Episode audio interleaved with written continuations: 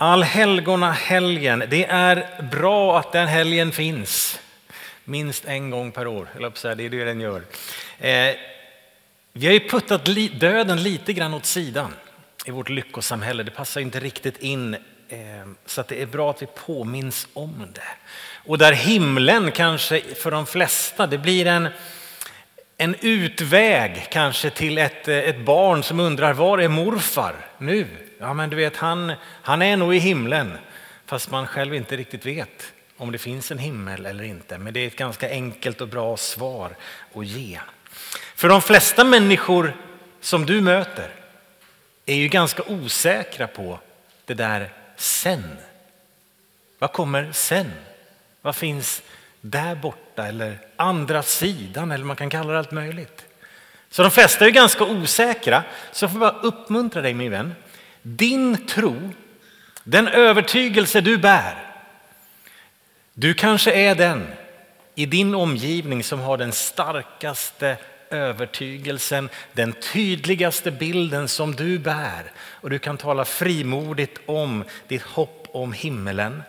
Att, som vi hörde i sången, vi kommer få mötas igen. Det finns en himmel som väntar. Så var frimodig i tron på och hoppet om himlen och evigheten. Sett någon undersökning som säger att uppåt 40 procent av Sveriges befolkning går till en kyrkogård under den här helgen.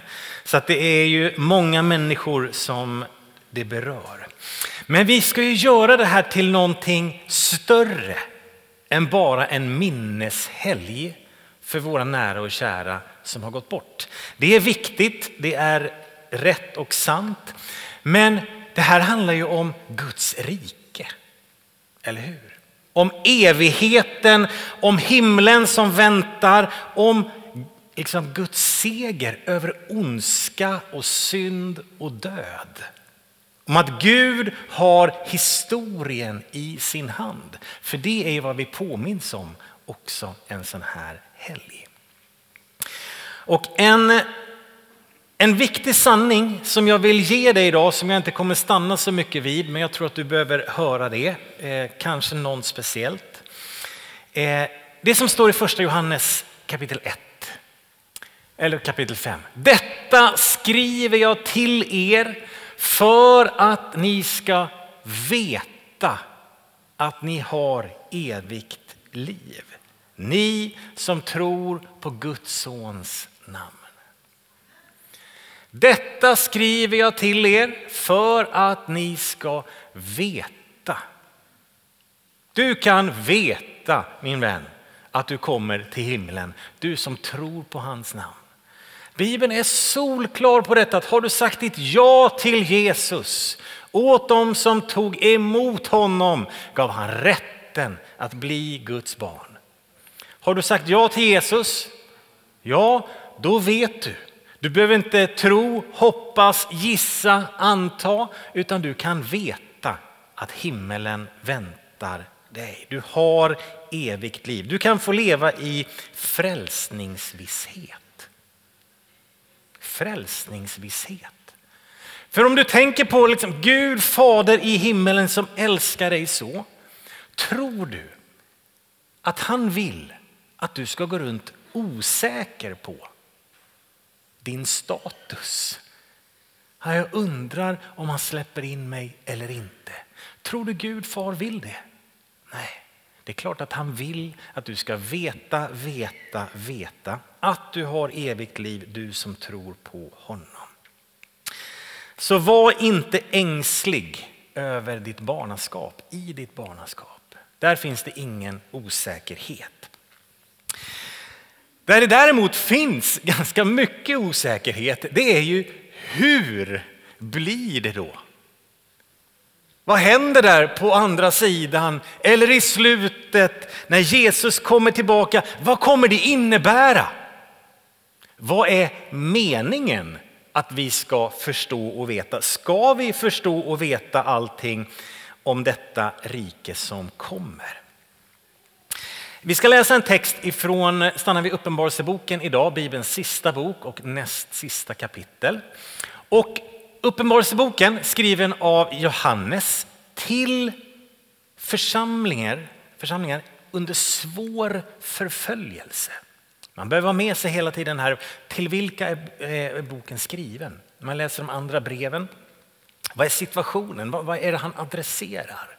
Uppenbarelseboken är skriven till församlingar som lider hårt under liksom ganska tung och svår förföljelse. Många som får sätta livet till. Och Uppenbarelseboken liksom i stora drag är ju tänkt att ge tröst till församlingarna. Och målar upp Gud som den som har historien i sin hand. Och de här två sitter ju ihop. Till då de som kämpar under det här förtrycket, under förföljelsen, under hot, död, allt möjligt.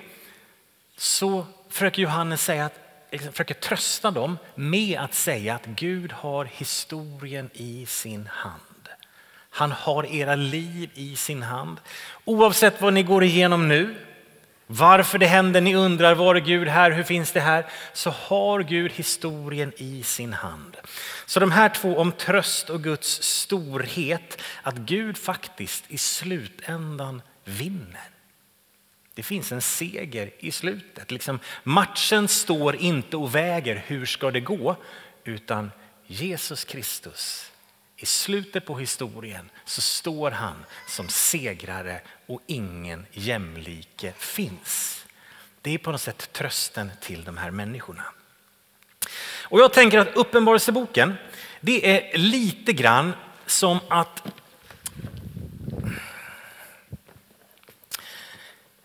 till exempel spela Picasso. Är det någon som har spelat Picasso? Eller eh, Pictionary finns det en variant också. Jag tror att det finns någon till variant.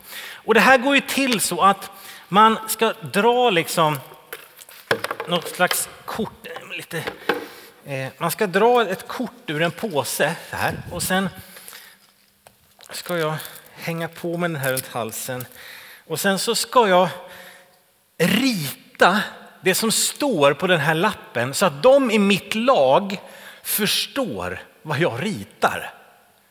Okay, det är ju, idén är ganska simpel. Eh, och på mitt, den här kort som jag tog nu, då står det hundkoppel. Då ska jag försöka, då ska jag rita en bild som mitt lag då ska förstå är ett hundkoppel. Och eh, min familj som känner mig vet ju att så fort det är djur inblandat, då blir det inte lätt. Eh, jag är, to, eller jag är inte så duktig på att teckna, kan vi säga, milt uttryckt. Så att alla mina djur ser likadana ut oavsett nästan om det är fågel, fisk eller mittemellan. Det är liksom en sned ring och så fyra streck under vet man att det är ett djur. Så hundkoppel skulle vara lite svårt att rita. Och Uppenbarelseboken är som Picasso. Hur tänker du nu? Jo, det är så här. Gud visar Johannes en bild, eller många bilder. Och sen är det som att Johannes genom hela sin bok försöker förstå vad är det jag ser för något. Det är lite grann som när jag ritar och så försöker man, vad är det jag ser? Och nu är Gud en mycket duktigare tecknare än vad jag är. Så att man kan tycka att det är lättare för Johannes att se och förstå. Och även om bilderna är mycket tydligare så är bilderna ibland obegripliga. Och Johannes försöker sätta ord på de här lite obegripliga bilderna han ser. Han, det är som att han inte riktigt har ord för det. Kapitel 1 börjar med, jag ser en som liknar en människoson. Men det är inte riktigt en människoson. Och så kommer den här fantastiska bilden av han på tronen och det här ljuset och eldslågor och fötter som av brons. I kapitel 4, jag såg något som liknade ett lejon. Han vet inte riktigt. I kapitel 5 så såg jag ett lamm men som såg ut som att det har blivit slaktat. Och sen så fortgår det här genom hela boken. Så Johannes, Gud visar Johannes de här bilderna av eh, mycket också om historiens slut men också om dåtiden, vad som händer, vad som ska ske. Och så försöker Johannes sätta ord på det här lite obegripliga som han inte riktigt får ihop. När vi läser ibland Gamla testamentets profeter så är ju de i samma situation. Gud visar dem saker, ibland in i framtiden, som de inte riktigt har ord för. Vad, vad är det jag ser? Och så beskriver de grejer som de inte riktigt liksom har, finns i deras begreppsvärld. Men då visar Gud för Johannes också slutscenerna på den här historien, den här tiden som vi känner den. Och vi läser ifrån Uppenbarelsebokens 21 kapitel och första två verserna bara. Jag såg en ny himmel och en ny jord.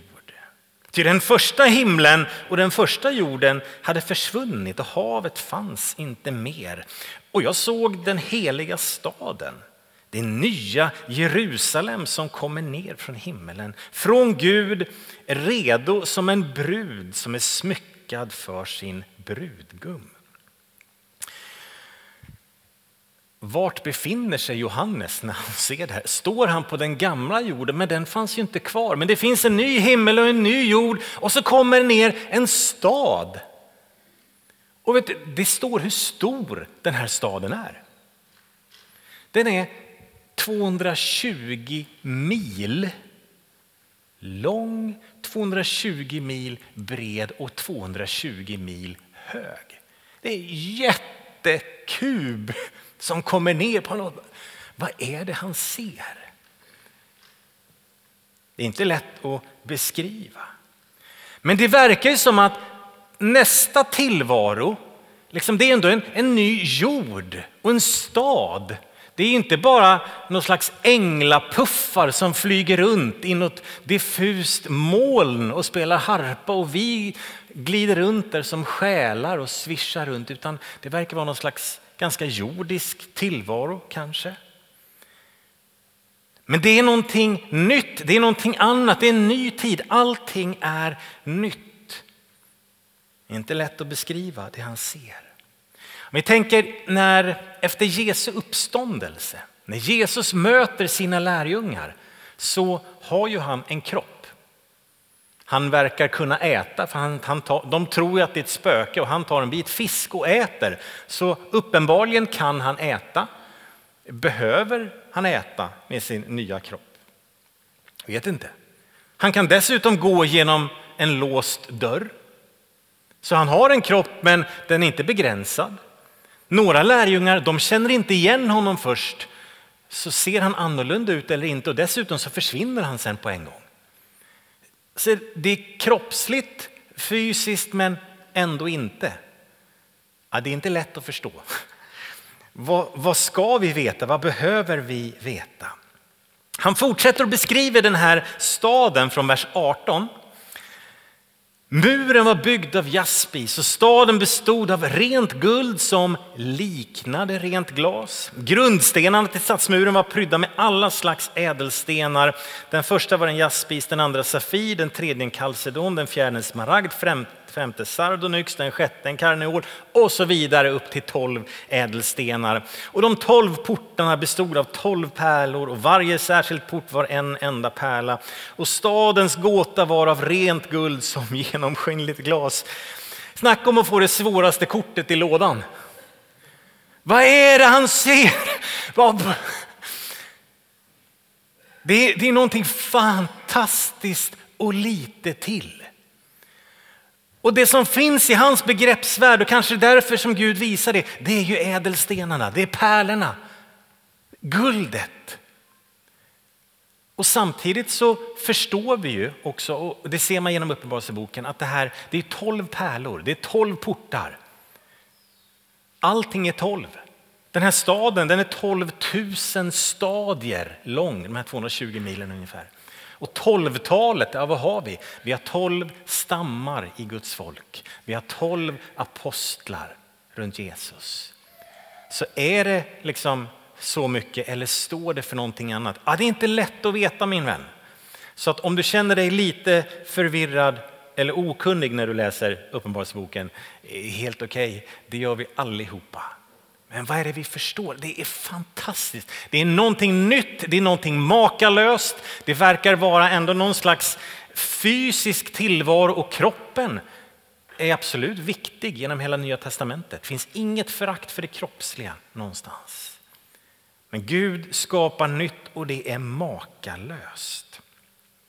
Så Gud visar Johannes någon slags slutbild, eh, försöka sätta ord på det här. Guds eviga riket tar plats. Det nya Jerusalem.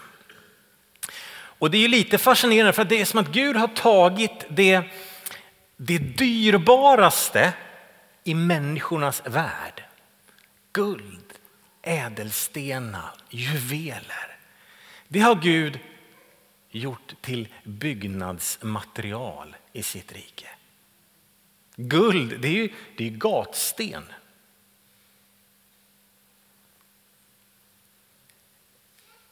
En av våra största avgudar, rikedomen.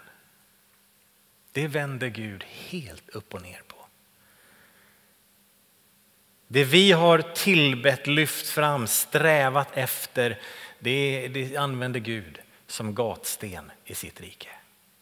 Han vänder upp och ner på detta. Och mycket av Uppenbarelseboken handlar om tillbedjan. Vem, vad är det som jag tillber? Vem får min dyrkan? Vid den här tiden, i slutet på det första århundradet, så är det kejsare Domitianus som regerar. Och han tar kejsarkulten till nya nivåer. Alltså det här att tillbe kejsaren som herre och gud. Det, liksom, han eh, lyfter det till nya höjder.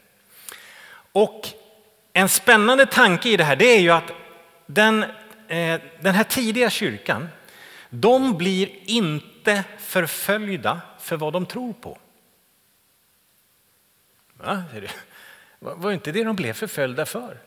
De blir inte förföljda för vad de gjorde.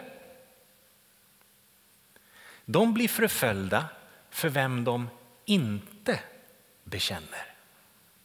De blir förföljda för vem de inte böjer sig för, vem de inte offrar till i templet. När man gick så skulle man offra någon slags rökelse eller någonting till kejsaren. Oh, här är mitt offer till kejsaren. Och det vägrade de kristna göra. Att de tillbad Jesus, det kvittar ju fullständigt. Det struntar ju kejsaren i. För romarriket, det är ju, eh, alltså det här, de hade ju många gudar som helst. Hela den romerska, grekiska gudavärlden, det är liksom tillbe vem du vill, det struntar vi i. Ja, vill ni tillbe den här snickaren från Nasaret, varsågod, vi har inga problem med det. Så länge ni böjer er också för kejsaren. Så den tidiga församlingen förföljdes inte för vem de trodde på och tillbad, utan för vem de inte tillbad. Den kan vara lite intressant att ta med sig in i våran tid. Men rikedomen som har varit en avgud så mycket i historien blir på något sätt simpelt byggnadsmaterial. Gud vänder upp och ner på våra föreställningar. Och det är nästan som att man hör det första budordet av de tio ropas ut över den här staden. Du ska inga andra gudar ha vid sidan av mig. Det här som ni har på något sätt bugat inför, kämpat för, krigat för, gjort allt för att få tag på. Det här, det, vi bygger med det här. Och sen så är det liksom Herren som är stjärnan. Vem tillber jag?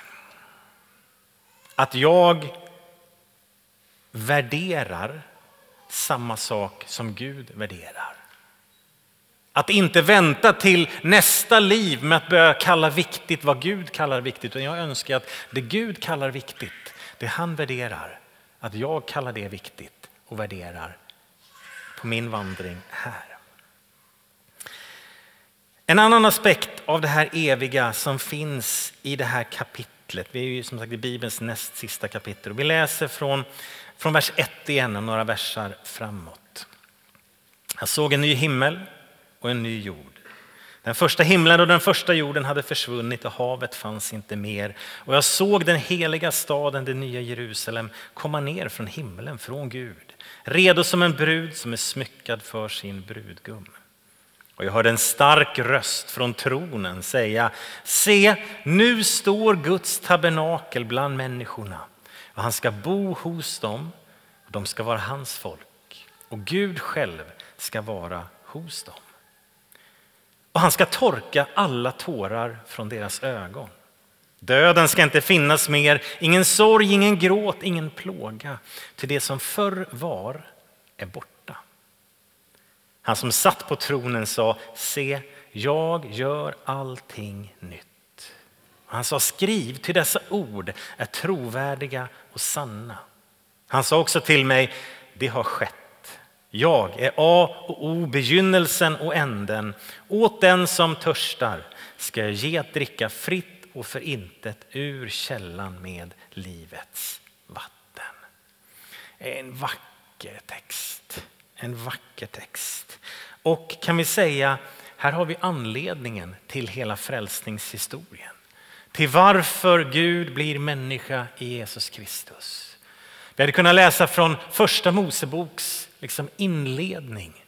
När människan har liksom brutit mot Gud och sagt Gud, jag struntar i dig och bestämmer själv. Och de drar sig undan och Gud går i lustgården och så ropar han på människan. Var är du? Var är du någonstans? Och här, i näst sista kapitlet, i historiens slut, så säger Gud, nu, nu är vi tillsammans för evigt. Guds kärlek till varje människa, den här ömsesidiga nära relationen som Gud längtar efter, som du är skapad att ha. Att få leva med honom, tillbe honom. Han säger, ni ska vara mitt folk, jag ska vara eran Gud. Ni tillber mig, jag ska torka era tårar, alla tårar. Jag gör allting nytt. Det är ett flöde av liv, källan med livets vatten. Ingen gråt, ingen plåga. Dramatiska slutscener där Gud tar bort alla liksom slutliga hinder för att den här kärleksrelationen ska kunna vara obruten och för evig, fullt ut mellan Gud och människa som det är skapat. Guds närvaro bland sitt folk. Eh, han slår upp sitt tabernakel. Gå tillbaka en bild. Eh, eh där ja, vers 3. Se nu står Guds tabernakel bland människorna. Och det står att Gud ska tälta bland sitt folk. Så du som är scout och gillar friluftsliv, där har du din Gud. Han tältar bland oss. Men Guds närvaro bland sina älskade. Det är lite som Jesus säger i Johannes 14, säger han till sina lärjungar. Känn ingen oro. Tro på Gud och tro på mig. För jag ska komma tillbaka och jag ska hämta er till mig för att ni ska vara där jag är. Gud längtar efter dig och mig och kallar dig och mig till sig. Hur var då detta en tröst för de kämpande kristna då som förföljdes, som slängdes till vilddjuren, som korsfästes, Ja, men Gud säger, jag har historien i min hand. Ni ser det inte nu. Ni undrar hur ska det gå? Lita på mig. Mitt i deras förföljelse så säger han, jag kommer torka alla tårar. Jag kommer utplåna all ondska. Döden är borta. Håll fast vid mig. Det kommer någonting nytt. Det finns en annan tid. Oavsett vad ni står i nu, vad ni möter, så finns det på ett sätt en seger i slutet. Vi kanske inte får uppleva det under våra dagar här, men det kommer. Vi hade kunnat läsa om från Hebreerbrevet 11 om trons hjältar. Det står att de såg det i fjärran. De hälsade det, de bekände sig till det, de höll fast vid det, de trodde men de fick inte se alla löften uppfyllda. då. Men Gud har ett annat tidsperspektiv. Och jag tänker att orden till oss idag, in i vår tid, in i våra liv, att Gud är värd all tillbedjan. Jag hoppas att bönen finns i ditt hjärta också, att Gud låt mig få värdera det du värderar. Att det som är viktigt för dig, det är viktigt för mig. Jag vill inte tillbe eh, de här ädelstenarna, juvelerna, guldet eller någonting annat, utan du är värd min tillbedjan. Och när Gud liksom säger till folket där under förföljelsen, under trycket, de visste att om vi bara böjer oss för det här, då försvinner kampen. Om vi bara bekänner kejsaren, då slipper vi det här trycket. Det blir mycket, mycket lättare. Och Gud säger, tillbe mig. Du ska inga andra gudar ha vid sidan av mig. Och jag önskar att vi som Guds folk skulle hålla fast vid detsamma. Han är A och O, början, slutet. Bara han är värd vår tillbedjan. Låt inte gatsten bli för viktigt i ditt liv, utan värdera det Gud värderar. Gud kan trösta, Gud kan torka alla tårar. Gud kommer torka alla tårar. För han säger, jag har historien i min hand. I slutet så ser det ut så här, det kommer en ny himmel och en ny jord. Hur den ser ut på vilket sätt, vi vet inte.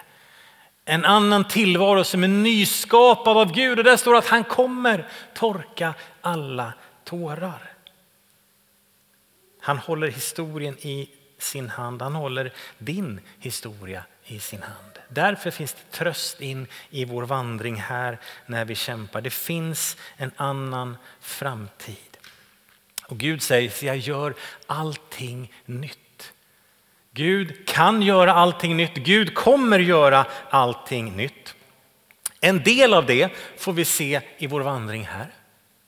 Men det här livet blir aldrig fullkomligt. Aldrig.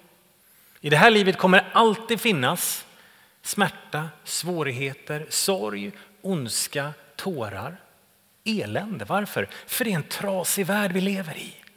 Men vet du vad? Det är därför som evangeliet på något sätt är det här ljuset som lyser in i vår värld. Det finns en Guds kraft som förändrar, som förvandlar och vi får på något sätt en, en försmak av Guds rikets storhet in i vår tid. De som led under förföljelsen, de fick höra håll fast vid mig.